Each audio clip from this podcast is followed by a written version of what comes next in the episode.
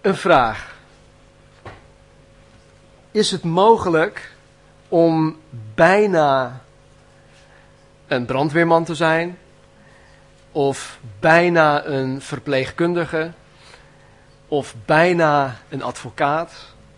Of bijna een chirurg? Is dat mogelijk? Nou, als je het heel zwart-wit bekijkt, dan ben je chirurg of je bent het niet. Sommigen zouden vanmorgen, vanmorgen misschien zeggen, maar ja, oké, je kan ook chirurg in opleiding zijn. En als je je opleiding bijna afgerond hebt, dan ben je in principe bijna een chirurg. Oké, daar zit wel wat waarheid in. Maar laten we in het belang van dit voorbeeld zeggen dat als iemand alle mogelijke opleidingen heeft gevolgd en alle vereiste examens heeft afgelegd en niet geslaagd is, dan is hij geen chirurg of dan is zij geen chirurg. Hij of zij is bijna chirurg geworden, maar hij is het niet, toch? Oké, nou, ik denk dat we het hier allemaal mee eens zijn. En niet alleen wij, maar laten we zeggen dat christelijk Nederland het hiermee eens zou zijn. Met deze stelling. En toch, ondanks dat christenen dit zouden beamen, ondanks dat christenen dit logisch zouden vinden, zien wij binnen christelijk Nederland dat er met, met betrekking tot het christen zijn andere maatstaven worden gehandhaafd. Wat ik hiermee bedoel, is dat wij in christelijk Nederland wel eens zeggen dat sommige mensen bijna christen zijn. En dat het met hun wel goed zit. Misschien wordt het niet precies op die manier verwoord, van oh ja, die en die, die is bijna christen. Maar waar het op neerkomt, is, is dat we denken dat, nou oké, die is wel dichtbij, dus ja, nou, het, het zit wel goed met die persoon. Misschien heb je het nu al het idee van, joh, waar heb je het over? Nou, daar kom je zo meteen wel, wel achter, dus wees geduldig. De vraag is, is het wel zo? Zit het wel goed met degene die wij herkennen als bijna een christen te zijn? Nou, vanmorgen zullen we zien hoe Paulus iemand dusdanig beweegt om bijna een christen te worden. Laten we, laten we lezen. In uh, Handelingen hoofdstuk 26. We maken het vandaag af.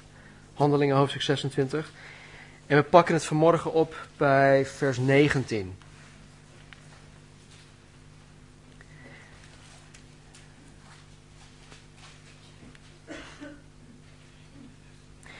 Paulus zegt, daarom, koning Agrippa, ben ik die hemelse verschijning niet ongehoorzaam geweest. Maar ik heb eerst aan hen die in Damascus en in Jeruzalem en in heel het land van Judea woonden, en later aan de heidenen verkondigd dat zij tot inkeer moesten komen, zich tot God bekeren en werken doen die met de bekering overeenstemmen. Hierom hebben de Joden mij in de tempel gegrepen en geprobeerd mij om te brengen. Maar door de hulp die ik tot op deze dag van God gekregen heb, sta ik hier als een getuige tegenover klein en groot en zeg ik niets anders dan wat de profeten en Mozes gezegd hebben dat er gebeuren zou. Namelijk dat de Christus moest lijden en dat hij als de eerste uit de opstanding van de doden dit volk en de heidenen een licht zou aankondigen. En toen hij deze dingen ter verdediging sprak, zei Festus met luide stem, U bent uitzinnig, Paulus. Uw grote geleerdheid brengt u buiten zinnen. Maar Paulus zei, ik ben niet uitzinnig, zeer machtige Festus, maar ik spreek woorden van waarheid en van gezond verstand. Want de koning heeft weet van deze dingen. Ik spreek daarom vrijmoedig tot hem, want ik ben er niet van overtuigd dat er iets van deze dingen voor hem verborgen is. Het is immers niet in, het, in een uithoek gebeurd. Gelooft u koning Agrippa de, de profeten? Ik weet dat u ze gelooft. En Agrippa zei tegen Paulus, u probeert mij wel in korte tijd ervan te overtuigen christen te worden. En Paulus zei, ik zou van God wel wensen dat niet alleen u, maar ook allen die vandaag naar mij luisteren, vroeg of laat zouden worden zoals ik ben, een christen, uitgezonderd deze boeien. En nadat hij dit gezegd had, stond de koning op en de stadhouder Bernice, Bernice en die bij hen zaten. En zij gingen terzijde, spraken zij met elkaar en zeiden, deze man doet niets wat de dood of boeien verdient. En Agrippa zei tegen Festus, deze man had losgelaten of vrijgelaten kunnen worden, als hij zich niet op de keizer had beroepen. Tot zover. Vader, dank u wel voor uw woord. Heer, het is een, uh, een mooi stuk. Er zit veel in. En Heer, u weet wat een ieder van ons nodig heeft. Dus Heer, spreek tot een ieder van onze harten. Open onze ogen, open onze harten, open ons verstand. Help ons u te begrijpen vanmorgen. In Jezus' naam. Amen. We zitten nog steeds in het verhaal waarin Paulus als gevangene voor de stadhouder Festus en koning Agrippa voorgeleid wordt om zichzelf te verdedigen. En op dit moment, wat ik, in dit stuk wat ik net had voorgelezen, verdedigt Paulus zichzelf en hij vertelt over zijn eigen bekeringsverhaal. Hij vertelt over zijn ontmoeting met Jezus. En hij zegt in vers 19, daarom koning Agrippa ben ik die hemelse verschijning niet ongehoorzaam geweest. Maar heb eerst, of maar heb ik eerst aan hen die in Damascus, Jeruzalem, heel het land van Judea woonden, later aan de heidenen verkondigd dat zij tot inkeer moesten komen, zich tot God bekeren en werken doen die met de bekering overeenstemmen. Paulus was door zijn ontmoeting met Jezus Christus radicaal veranderd. Hij was radicaal veranderd. Het verschil tussen zijn leven voor en na zijn bekering is als dag en nacht. Zo groot is het verschil in zijn leven. Paulus is na zijn bekering een volkomen ander persoon geworden. Alles is in hem veranderd. Alles. Zijn denken is veranderd. Zijn kijk op God zijn kijk op de medemens, zijn kijk op de wereld, zijn kijk op de eeuwigheid is veranderd. Zijn kijk op geld, zijn kijk op familie, zijn, geld, zijn kijk op vrienden, zijn kijk op werk, op school, enzovoort, enzovoort. Alles is in Paulus veranderd. En daarom kon Paulus ook zeggen, met veel overtuiging, in 2 Korinthe 5, vers 17: Als u christen wordt, wordt u van binnen helemaal nieuw. U bent als het ware opnieuw door God geschapen. Er is een heel nieuw leven begonnen. Dat is uit het boek. Het gevolg van deze radicale verandering in Paulus is dat hij datgene dat hij van God ontvangen had, met anderen ging delen. Hij hield het niet voor zichzelf. Hij ging het meteen met anderen delen. Hij vertelde aan een ieder die hem gehoor gaf, dat zij het met God in orde konden maken. Dat ook zij van God een wedergeboorte konden ontvangen. Dat ook zij van God van binnen helemaal nieuw konden worden gemaakt. Dat vertelde hij door. En het enige dat zijn toehoorders hoorden te doen, was tot inkeer komen. Zij hoorden tot besef te komen dat zij in en met hun levenswijze God tekort hadden gedaan. En dat zij Gods aanbod van vergeving en van rechtvaardiging moesten aanvaarden. Ze moesten het als een cadeau aannemen, accepteren. Want dat is het. Het is een cadeau van God naar ons toe. En het cadeau wordt pas voor jou als je het aanneemt. Maar daar hield het niet mee op. Met tot inkeer komen, met tot besef komen, met Gods aanbod van vergeving en rechtvaardiging ontvangen. Daar houdt het niet mee op. Wanneer iemand zodanig van binnenin veranderd wordt, dan zal ook die persoon, net als Paulus, anders gaan denken. Ook die persoon zal anders gaan leven. Die persoon zal waarde gaan hechten aan rechtvaardigheid. Die persoon zal waarde gaan hechten aan moraal, aan zedelijkheid. Dingen die in de wereld niet meer te vinden zijn.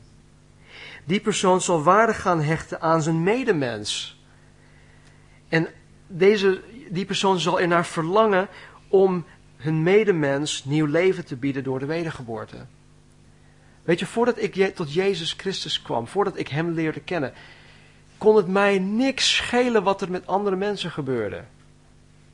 Het was echt, ik was zo egoïstisch. Ik, ik, ik en de rest kan stikken. Alles draaide om mij. God heeft mijn hart gegrepen. Hij begon me te veranderen. En in één keer gebeurde er iets met mij. dat ik voor zelf, zelf niet voor mogelijk had gehouden. Ik begon mezelf te bekommeren om andere mensen. Ik begon hard te krijgen voor andere mensen. Voorheen zag ik mensen als chagrijnen die en die is dit en die heeft een, een attitude en die heeft dat. Forget them. Maar ineens begon ik anders naar deze mensen te kijken. Hé, hey, misschien is die persoon wel elke, elke dag chagrijnig omdat hij of zij problemen heeft. Dus je begon gesprekken met die persoon aan te knopen. Je begon een beetje interesse, belangstelling te tonen. En dan kom je erachter, wauw, wat heeft die persoon een zwaar leven? Wat heeft die persoon een zwaar leven gehad? Wat heeft die, die, die jongen of wat, hè, dat meisje, wat hebben ze het zwaar thuis? Maar daar kom je niet achter als, dat je, als, als het je niet interesseert. Dus wanneer God je, je grijpt, dan ga je anders denken, dan ga je anders leven. Andere dingen krijgen prioriteit in je leven. En zo datgene dat Paulus na zijn ontmoeting met Jezus aan mensen vertelde, wil God dat wij dit ook aan anderen weer doorvertellen. Wij mogen het doorvertellen. Luister wat hij zegt in 2 Korinthe 5, vers 17 tot 19. Dit is ook uit het boek. Paulus zegt, als u christen wordt, wordt u van binnen helemaal nieuw. U bent als het ware opnieuw door God geschapen. Er is een heel nieuw leven begonnen. Als dit nieuwe komt van God, die ons door Jezus Christus bij zichzelf heeft. Even. Uh, als dit nieuwe komt van God. Oké. Ja, als dit. Al, nee, al dit nieuwe. Niet als, sorry, ik ben nog een beetje duf al dit nieuwe komt van God. Die ons door Jezus Christus bij zichzelf heeft teruggebracht. Hij heeft ons opgedragen overal te vertellen dat iedereen het nu met God in orde kan maken. Door Christus herstelde God zijn relatie met de wereld. Hij rekende de mensen hun zonde niet meer toe, maar wiste ze uit. En wij mogen dit geweldige nieuws aan iedereen vertellen. Wij mogen dit aan iedereen vertellen. Dit is goed nieuws. Vers 21. Hierom, hierom hebben de Joden mij in de tempel gegrepen en geprobeerd mij om te brengen. Maar door de hulp die ik tot op deze dag van God gekregen heb, sta ik hier als een getuige tegenover klein en groot en ik zeg en zeg ik niets anders dan wat de profeten en Mozes gezegd hebben dat er gebeuren zou. Namelijk dat de Christus moest lijden en dat hij, als de eerste uit de opstanding van de doden, dit volk en de heidenen een licht zou aankondigen. Paulus zegt dat hij tot op de dag van dat moment hulp van God gekregen had, waardoor hij nog leeft en mag getuigen. Ga even een aantal weken met me terug. Misschien een maand, twee maanden. Weet jullie nog toen Paulus in Jeruzalem kwam? Hij was verheugd om het evangelie met de Joden te delen. Hij mocht de mensen toespreken. Het was muisstil. Tot op het moment dat hij zei dat God hem tot de heidenen had gestuurd. De Joden die wilden Paulus uit elkaar scheuren. Ze hadden, het, het is bijna gelukt. Maar Lysias, Claudius Lysias, de overste van het Romeins leger, die heeft hem met veel geweld uit hun handen kunnen trekken en heeft het leven van Paulus eigenlijk gered. Hij heeft hem ook in bescherming genomen. Dus als deze Claudius Lysias daar op dat moment aanwezig was, waar Paulus nu spreekt, dan had hij waarschijnlijk zoiets gezegd van, joh, Paulus, even tussen twee haakjes. Was ik niet degene die jouw leven had gered? Uiteindelijk ben ik degene die, er, hè, die ervoor zorgde dat jij met geweld uit hun handen bent getrokken en ik heb je in bewaring genomen. Dus laten we het even zuiver houden. Ik ben degene die je hebt gered. Nou, beide zijn waar. Ja, Claudius Lysias heeft Paulus zijn leven gered. Maar achter de schermen heeft God ervoor gezorgd dat Claudius Lysias dit had gedaan. Dus beide zijn waar. En God oefent vaak zijn bovennatuurlijke krachten. Uh, hij, hij voert ze uit door natuurlijke middelen. Zoals dit in dit geval met Claudius Lysias. Nou, het is heel belangrijk voor ons als christenen dat wij Gods hand in dingen zien. Dat we Gods hand in dingen gaan zien. En vaak gaat Gods werk ons compleet voorbij. We hebben het niet eens in de gaten dat God met ons bezig is, of dat God bepaalde situaties creëert of, of, of orchestreert, terwijl Hij dat allemaal voor ons doet. Maar het gaat ons helemaal voorbij. Dus het is belangrijk voor ons als christen dat we deze dingen gaan herkennen. Ik denk dat een, een van de redenen is, is dat wij al te vaak Gods werk in ons leven in het bovennatuurlijke gaan zoeken. In grote dingen, in spectaculaire dingen. Vaak denken christenen zoals een bepaalde man waarover een verhaal is geschreven. Er was een man die had een mooi huis. En zijn huis, de hele omgeving, de hele stad, die kwam onder een, ja, de bedreiging van een, van, van een overstroming. En de hulpverleners, de politie, iedereen wist dat het zou aankomen, dus ze gingen mensen evacueren. En die man die stond daar dan thuis, die was thuis, werd aangebeld door een politieagent. En die zei, meneer, ga met ons mee of neem uw auto, volg ons, u wordt, u moet, uh, we evacueren dit gebied. Want u komt in gevaar. Er komt een overstroming. Die man zei tegen de politieagent: Nee, het, het is goed met mij. God zal voor me zorgen. Ik ben een wedergeboren christen en ik vertrouw op God en God zal voor me zorgen. Dus gaan jullie maar, ik blijf hier. Nou, de overstroming kwam. Het water zat al ver boven de vensters. Hij zat waarschijnlijk al tot hier in zijn huiskamer in het water. En toen kwamen de hulpverleners met hun rubberen bootjes.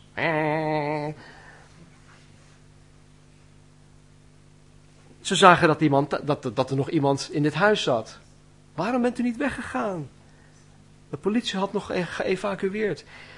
Kom, stap, ons, stap bij ons het bootje in en, en, en we zullen u tot, u tot veiligheid brengen. Wat zei die man? Die man zei: Nee, het is goed. Ik vertrouw op God. Ik ben een christen. En uh, het komt goed met mij. Gaan jullie maar. Vervolgens zat zijn hele huis onder water. Hij ging het dak op. En er was ook een klein plekje op het dak waar hij kon zitten. En er kwam een helikopter. Met weer zo'n reddingsmedewerker. Uit zo'n klein touwen laddertje. Kom, meneer, kom. We willen u naar de veiligheid brengen. Wat zei die man? Nee, nee, nee, het is goed. Ik heb gebeden dat God me zal helpen en ik vertrouw dat God mij ook zal redden hieruit, uit, uit deze situatie. Nou, vervolgens is die man nooit gered. En hij zat daar dagenlang te dobberen in het water. En hij schreeuwde uit naar God: Waarom heeft u mij niet geholpen, God? Waarom heeft u mij niet geholpen? Waarop God antwoordde: Luister. Ik heb in eerste instantie een politieagent naar je toegestuurd. Vervolgens heb ik een hulpverlener in de boot naar je toegestuurd. En als laatste redmiddel nog de helikopter Dus waar heb je het over? Deze man, die herkende Gods hand niet in de normale gebeurtenissen. En dat is heel gevaarlijk. Want God werkt zijn bovennatuurlijke krachten uit door hele natuurlijke dingen. Natuurlijk gebeuren er bovennatuurlijke dingen die wij niet kunnen verklaren. Hè, die dus niet in het natuurlijke gebeuren. Maar ik geloof, als ik even uit mijn eigen ervaring spreek, dan, dan is het misschien 95 of meer procent dat God door hele natuurlijke dingen werkt in mijn leven. En het is belangrijk dat wij dat ook, zoals Paulus zegt, God heeft mij tot heden geholpen, waardoor ik nu voor jullie kan staan. Hij weet donders goed dat Lysias hem had geholpen, maar hij weet ook dat God degene is die achter de schermen alles dingen bewerkt om hem te helpen. En wij, wij moeten daar oog voor krijgen. Als al die dingen lang, uh, langs ons heen gaan, dan zien we God niet. En dan zien we ook niet hoe, hoe groot God is. Vanmorgen. Um,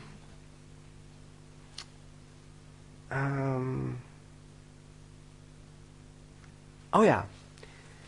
Ik heb uh, manchetknopen. Nou, ik, dit, is uit mijn verleden. um, voor mijn werk moest ik, moest ik me netjes dragen. Of netjes aankleden. En ik had Marnie gevraagd, gisteravond denk ik, Marn, wil je die zwarte broek voor me strijken en dat overhemd met die manchetknopen? Nou, ik had gisteravond eigenlijk moeten weten, Marnie, wil je er ook voor zorgen dat die manchetknopen te vinden zijn? Want geheid, zondagochtend, ik ben gehaast, uh, preek, uh, dit, dat, aankleden. En ja hoor, 9 van de 10 keer zijn de manchetknopen zoek. Dus Vanmorgen lagen ze precies waar ze, waar ze horen te liggen. Mijn eerste gedachte was: Oh Heer, dank u wel dat de manchetknopen op de plaats liggen waar ze horen te liggen. Misschien denken jullie van: Ja, dat is overdreven. Je hoeft God niet overal of, of voor alles te bedanken en, erbij te betrekken. Maar weet je, God zorgt voor mij in de kleinste dingen. Dank u wel, Heer, dat ik, dat ik me niet hoefde te stressen vanmorgen over die manchetknopen. Daar ben ik zo dankbaar voor. Want ik weet wat voor gevolgen dat kan hebben in mijn leven. Ik weet wat voor gevolgen dat kan hebben op mijn, mijn hele humeur en mijn gemoedstoestand. Als ik hier kom. Praktisch moeilijk. Paulus herkende het, vers 24. En toen hij deze dingen ter verdediging sprak, zei Festus met luide stem. U bent uitzinnig, Paulus. Uw grote geleerdheid brengt u buiten zinnen. Deze, deze Festus zegt keihard tegen Paulus dat hij gek is. Paulus, je bent helemaal gek geworden. Doordat je de Bijbel zo fanatiek bestudeert, ben je van je verstand beroofd. Ik heb een term geleerd toen we in Katwijk woonden. En dat heet um, godsdienstwaanzin.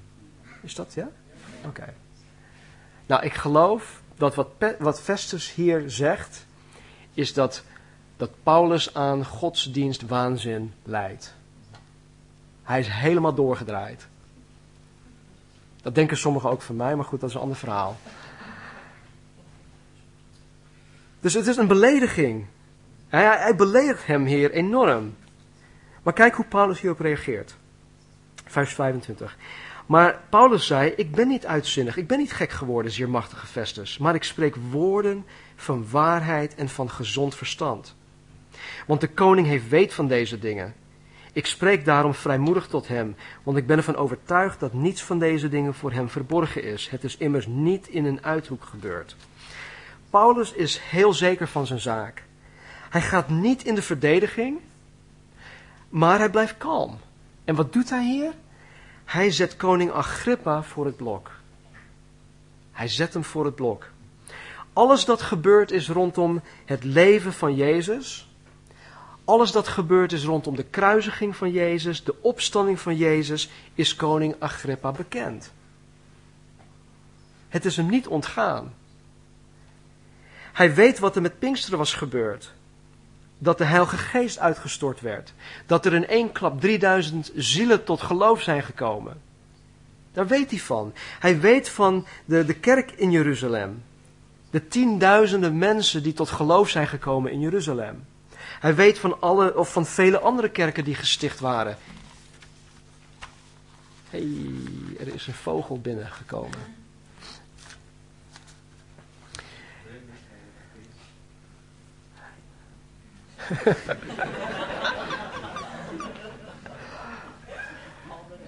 Paul kijken. Goed, goed zo, Judith. Weten jullie wat vogels betekenen in de, in de Bijbel? Nee, laat maar. Um,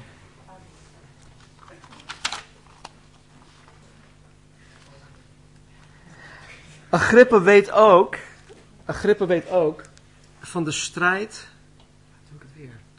tussen de ongelovige Joden en de christenen. Hij is daarmee bekend. Nou, waarom weet hij dit allemaal? Omdat geen van deze dingen ondergronds gebeurde. Het gebeurde allemaal openlijk. Het gebeurde in het openbaar. En zo kan Paulus vrijmoedig tot deze koning spreken over deze zaken.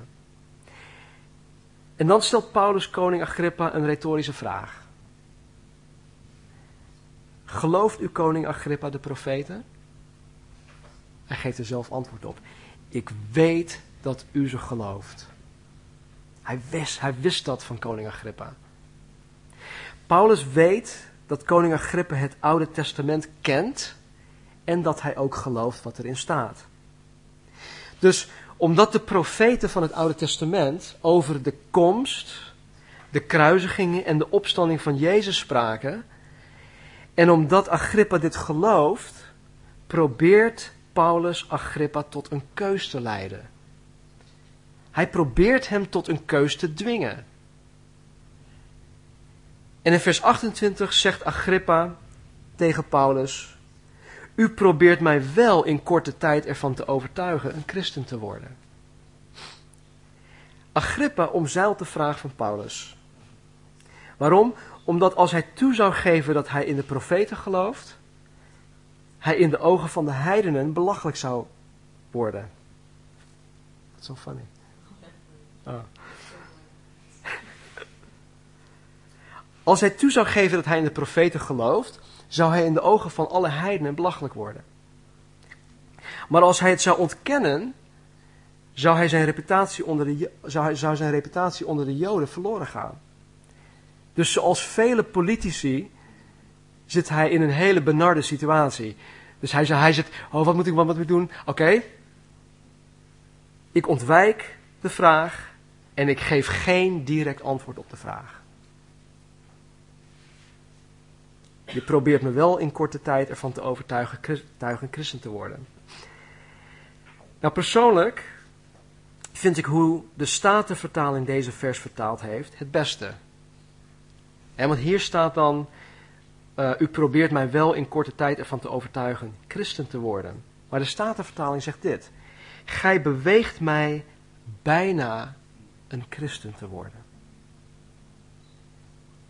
Paulus, je bent zo dichtbij.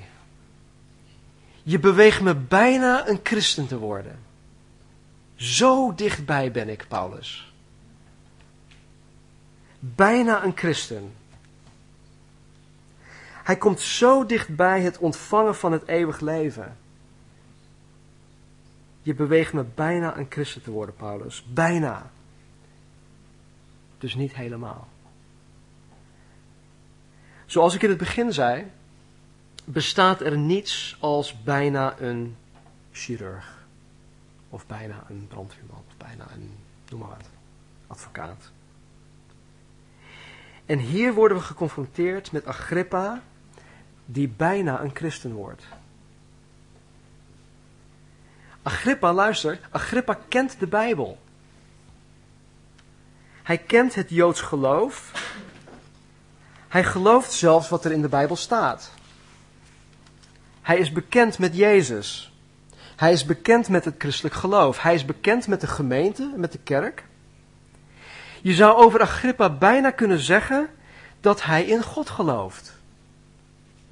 Want hij heeft zoveel weet van dingen over God. Als iemand zoals Agrippa vandaag de dag een gesprek zou aangaan met een doorsnee christen, dan durf ik te zeggen dat Agrippa de doorsnee christen ervan zou kunnen overtuigen dat hij bijna een christen is en dat het met hem wel goed zit. Waarom zeg ik dit? Omdat er vandaag de dag christenen zijn die het niet zo nauw nemen met Gods woord, de Bijbel. Bert zei het al vanmorgen, we moeten Gods woord recht snijden. En dat betekent geen water bij de wijn doen. Geen compromissen stellen. Als God zegt het is zwart, dan is het zwart. Dan is het niet antraciet. Bijna zwart, zwart metalik. Nee, dan is het zwart. En dat klinkt hard. Dat klinkt hard. En vele mensen willen dit niet aanhoren. We hebben in onze studie van handelingen gezien en hopelijk ook geleerd wat nodig is om Gods vergeving te ontvangen, om erfgenamen te worden van de eeuwigheid. In dit tekstgedeelte waar we nu in zitten, zien we alweer dat God de mensen oproept om tot inkeer te komen. Om zich van hun oude leven zonder God te bekeren tot God. Om te beseffen dat ze zondaar zijn en hopeloos verloren zonder het verlossend werk van Jezus Christus aan het kruis. Hopeloos verloren. Wanneer men door de Heilige Geest van deze dingen overtuigd wordt in zijn hart, dan zegt men tot God, zoals Paulus ook deed, wat wilt u dat ik doen zal, heren? Of toen Petrus in Handelingen 2 zijn preek had gedaan en de mannen zeiden, Petrus, wat moeten we doen? Wat moeten we doen? Jezus zei tegen Nicodemus in Johannes hoofdstuk 3. Nicodemus was trouwens een van de meest vooraanstaande religieuze leiders van Israël. Je zou hem kunnen vergelijken met een kardinaal binnen het Rooms-Katholicisme of, of iets dergelijks. Echt een topman op religieus gebied. En hij zei tegen Nicodemus: Als iemand niet opnieuw geboren wordt, kan hij het koninkrijk van God niet zien. Sterker nog, als hij niet opnieuw geboren wordt, kan hij het koninkrijk niet ingaan. Je wordt buiten gehouden, je wordt buitengesloten. Als er iemand was die volgens religieuze maatstaven de hemel ingelaten zou moeten worden, dan zou het Nicodemus wel zijn geweest. Maar Jezus zei zelfs tot hem, tot deze religieuze topman, dat hij wedergeboren moest worden. Ik ken mensen die beweren dat zij in God geloven. Ik ken jullie ook. Ik ken mensen die geloven dat Jezus een goed mens was. En ze geloven dat hij inderdaad 2000 jaar geleden hier op aarde heeft gewandeld. Deze mensen hebben ook wat Bijbelkennis. Ze zeggen zelfs christelijke dingen. Ze lezen ook wel christelijke boeken. En ze achten zichzelf in de bredere zin ook christen te zijn. Volgens de Oosterlingen zijn alle Westerlingen christen. Zoals wij denken van alle Arabieren, nou dat zijn allemaal moslims. Het is een, een generalisering, het is, een, uh, ja, het, het, het is niet juist. Maar niet alleen anderen denken dat van de Westerlingen, vele Westerlingen denken dat ook van zichzelf. Omdat ze Westerling zijn, omdat ze vanuit traditie uh, in een godsdienst, het zij uh, de katholieke kerk of de protestantse kerk of de of, maakt niet uit wat, dat ze door christen zijn. Als het levensveranderende werk van God die mensen niet heeft doen veranderen, dan moet ik niet denken dat het met die persoon wel goed zit. Als het levensveranderende werk van God die mensen niet heeft doen veranderen, dan moet ik niet denken dat het met die persoon wel goed zit. We lazen in 2 Korinthe 5:17, als u christen wordt, wordt u van binnen helemaal nieuw. U bent als het ware opnieuw door God geschapen. Er is een heel nieuw leven begonnen. Ik haal dit aan omdat God niet wil dat wij mensen misleiden door hun een valse hoop te geven. God wil niet dat wij hun de waarheid hierover onthouden. Het is menselijk gezien best wel makkelijk om te zeggen van, ah joh, met, nou, met, die, met die zit het wel goed. Terwijl God je beweegt, strek je uit naar die persoon. Ga een gesprek aan met die persoon. Vertel iets over je eigen getuigenis. Stel die persoon vragen over zijn, zijn of haar geloof. Dit klinkt misschien raar, maar meestal binnen, binnen vijf minuten tijd weet ik al waar een persoon staat ten aanzien van God. Soms veel sneller. God wil niet dat wij hun de waarheid hierover onthouden. God wil dat mensen zekerheid hebben dat zij het eeuwig leven zullen beërven. En het bewijs dat iemand het eeuwig leven zal beërven, is dat mensen, wanneer ze christen worden, van binnen helemaal nieuw worden. Dat mensen veranderd worden. Wanneer de geest van God in een mens komt wonen, dan wordt hij een ander persoon. We lazen van de week nog, volgens mij, in 1 Samuel. Toen koning Saul geroepen werd. Er staat in een, in een, in een schriftgedeelte, staat er, toen de heilige geest, of toen de geest van God in Saul kwam, werd hij veranderd in een ander persoon. Denk hier even over na. Twee weken geleden had ik over de schepper van hemel en aarde. Ik had het over het heelal, de melkweg, het sterrenstelsel. Ik had het over de, uh, de atomen en de, de, de neutron en de proton en al die dingen meer. Nou, noem maar op. De Heilige Geest is verantwoordelijk, mede verantwoordelijk voor het ontstaan van deze dingen. De Heilige Geest is verantwoordelijk voor het op de, uit de dood opwekken van Jezus Christus.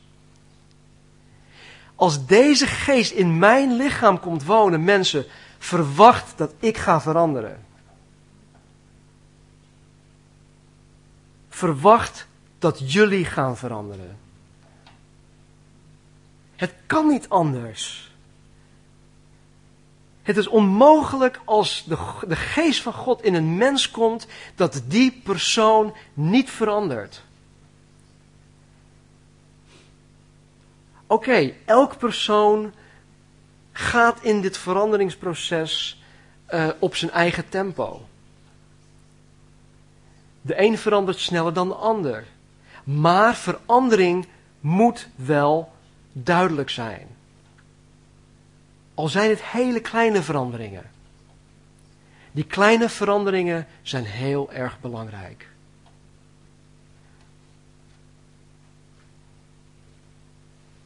Wanneer de geest van God in een mens komt wonen, dan wordt hij of zij een ander persoon. Dingen gaan veranderen. Zijn denken gaat veranderen. Zijn kijk op God, zijn kijk op de medemens, zijn kijk op de wereld, zijn kijk op de eeuwigheid. Zijn kijk op geld, familie, vrienden, werk, school, enzovoort, enzovoort. Alles gaat veranderen. Niet in één keer, Niet op het moment dat je zegt: Oké, Heer, ik ben nu wedergeboren, nu ben ik een totaal andere persoon.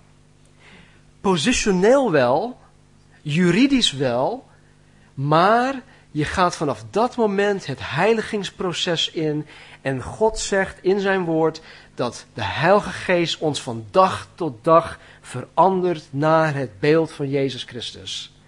En mensen, dat is een levenslang proces. En een ieder van ons die Jezus Christus hebben aangenomen, die Hem omhelzen, die wedergeboren zijn, die geestvervuld zijn, die zijn op weg. Hij die een goed werk in ons begonnen is, zal het tot voleinding brengen. Hij is getrouw. En dit veranderende werk van God in een mensenleven is het bewijs dat zij een echte christen zijn. Bijna is niet goed genoeg. Bijna is niet voldoende.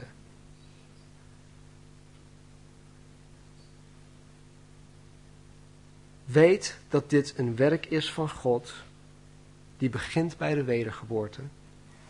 Maar zoals ik al zei, dat het een levenslang proces is. Weet ook dat wij als wedergeboren christen allemaal op verschillende niveaus zitten in dit veranderingsproces. Verschillende uh, fasen in ons leven.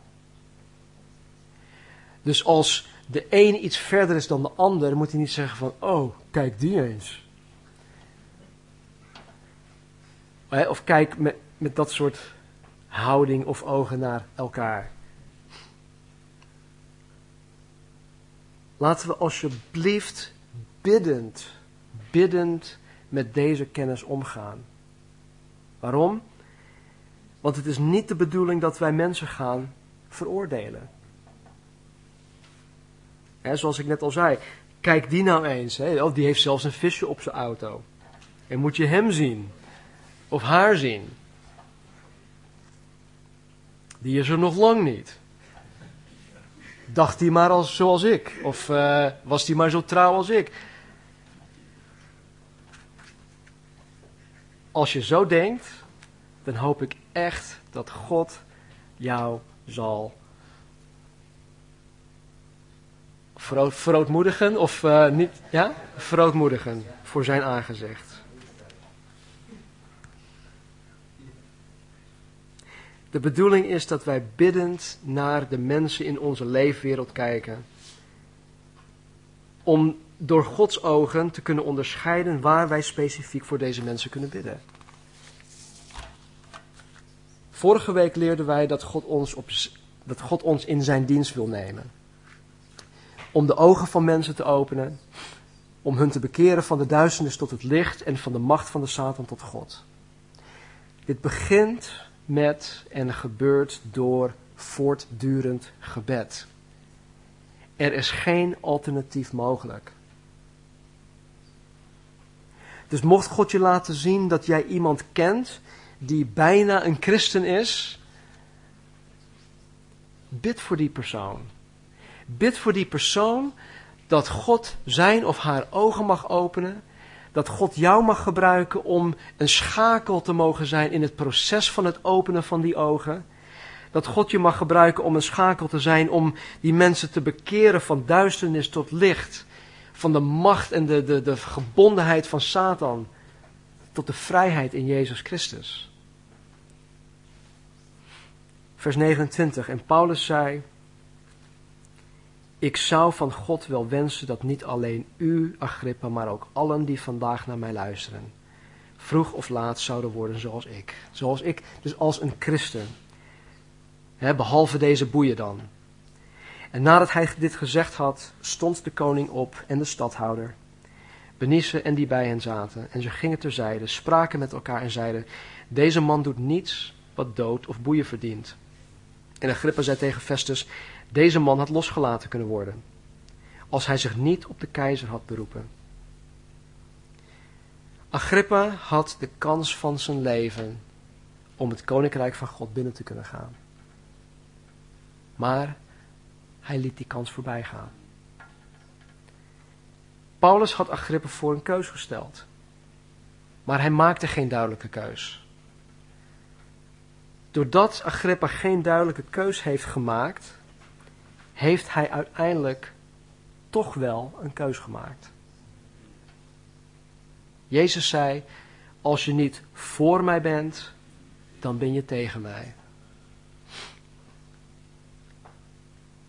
Het is niet, het is niet, er is geen grijs gebied. Het is zwart of wit. Je bent voor me of tegen mij. Er bestaat in het koninkrijk geen Zwitserland. Er is geen neutraal gebied. Je moet een keuze maken. Agrippa heeft die keuze nooit gemaakt, althans niet bewust. Hij was zo'n tien jaar daarna mede verantwoordelijk voor de verwoesting van Jeruzalem onder keizer Nero. Agrippa was bijna een christen. Paulus zei tegen Agrippa dat hij niets anders verkondigt dan wat de profeten en Mozes gezegd hebben dat er gebeuren zou. Namelijk dat de Christus moest lijden en dat hij, als de eerste uit de opstanding van de doden, dit volk en de heidenen een licht zou aankondigen.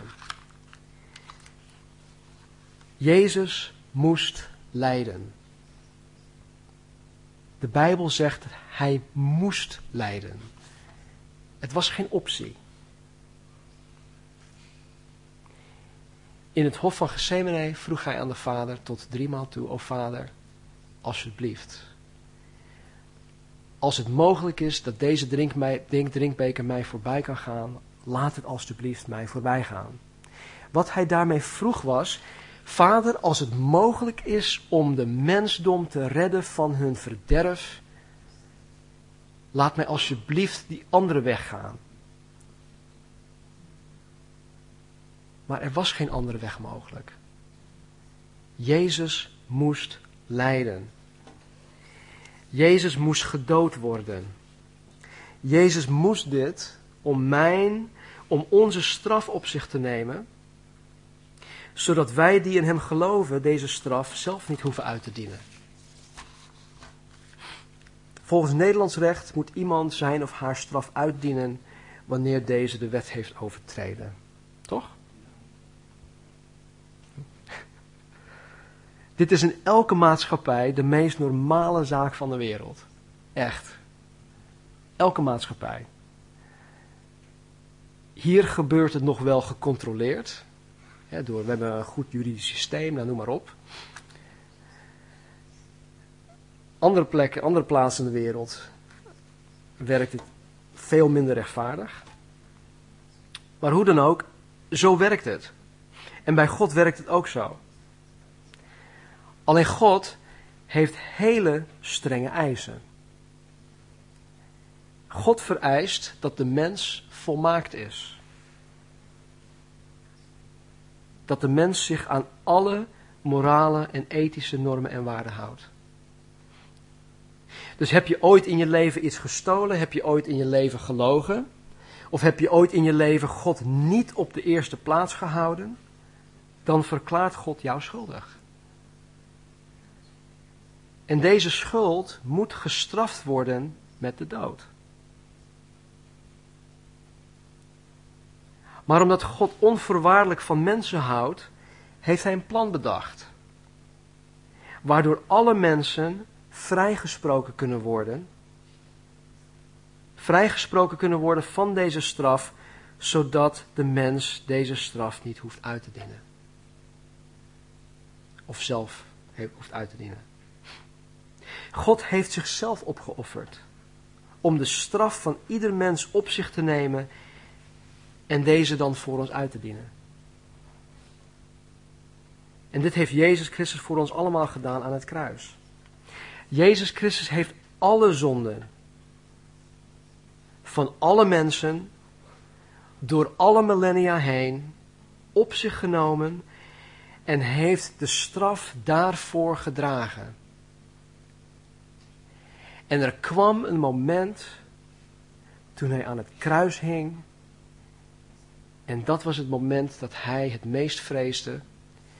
Was toen al de schuld van het hele mensdom op zijn schouders terechtkwam. En God, de Vader, hem niet eens meer aan kon kijken. Hij kon het niet aanzien. En Jezus sprak de woorden, Heer, Heer, waarom heeft u mij verlaten? De eenheid die Jezus Christus door de eeuwigheid heeft gekend met de Vader, met de Heilige Geest, was op dat moment verbroken. David, die zondigde, die spreekt een hele mooie psalm uit in Psalm 51. Hij zegt, uh, even in het Engels, uh, do not take your Holy Spirit from me. Met andere woorden, neem die, die, die aanwezigheid, die verbondenheid die ik met u heb, heren, neem dat alsjeblieft niet van me weg. En Jezus heeft dit geleden. Hij heeft dit voor mij gedaan. Hij heeft dit voor ons gedaan. Hij heeft zichzelf opgeofferd. Met als gevolg dat God mij, jullie die geloven, nu niet zien als schuldig, maar 100% onschuldig. Als volmaakt. God ziet mij als volmaakt. Dat is onvoorstelbaar. Hij ziet mij als volmaakt.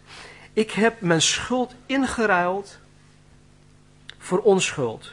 Ik heb mijn ongerechtigheid ingeruild voor gerechtigheid van Jezus. En dat is het goede nieuws, dat is het evangelie. Dat is het evangelie. Laten we bidden. Vader, dank u wel voor uw woord. Dank u, Heer, dat u ons weer hebt laten zien, Heer, wat u, wat u ons te leren heeft. Heer, dank u voor uw hart. Dank u, Heer, dat u ons inzicht heeft gegeven in uw, in uw hart, in uw denken. Hoe u over ons denkt. Heer, dat door uw genade, Vader, wij het in orde met u kunnen maken. Heer, het is zo mooi. Het is zo mooi, Vader, om verenigd te mogen worden met u, de schepper van hemel en aarde. Het is zo mooi, Vader, om u te kennen zoals u bent. En Heer, als er iemand vanmorgen is in ons midden, Heer, die niet zeker is van zijn of haar heil, geef hen vanmorgen die zekerheid. Want heren, we weten dat er niet iets bestaat zoals bijna een christen. Je bent christen of je bent het niet. Dus Heer, beweeg onze harten. Heren, wanneer we vanmorgen ook avondmaal nuttigen, heren. Laat het voor een ieder, Heer, een moment van verkwikking, van vernieuwing, van inkeer zijn, Vader, zodat we onze ogen opnieuw op Jezus Christus zullen gaan richten. En help ons, Vader, uw werk in ons leven meer en meer te gaan herkennen. Vervul ons, Vader, met uw geest. Opnieuw stort uw Heilige Geest uit over ons. We want to be like Jesus. In Jezus' naam. Amen. Amen.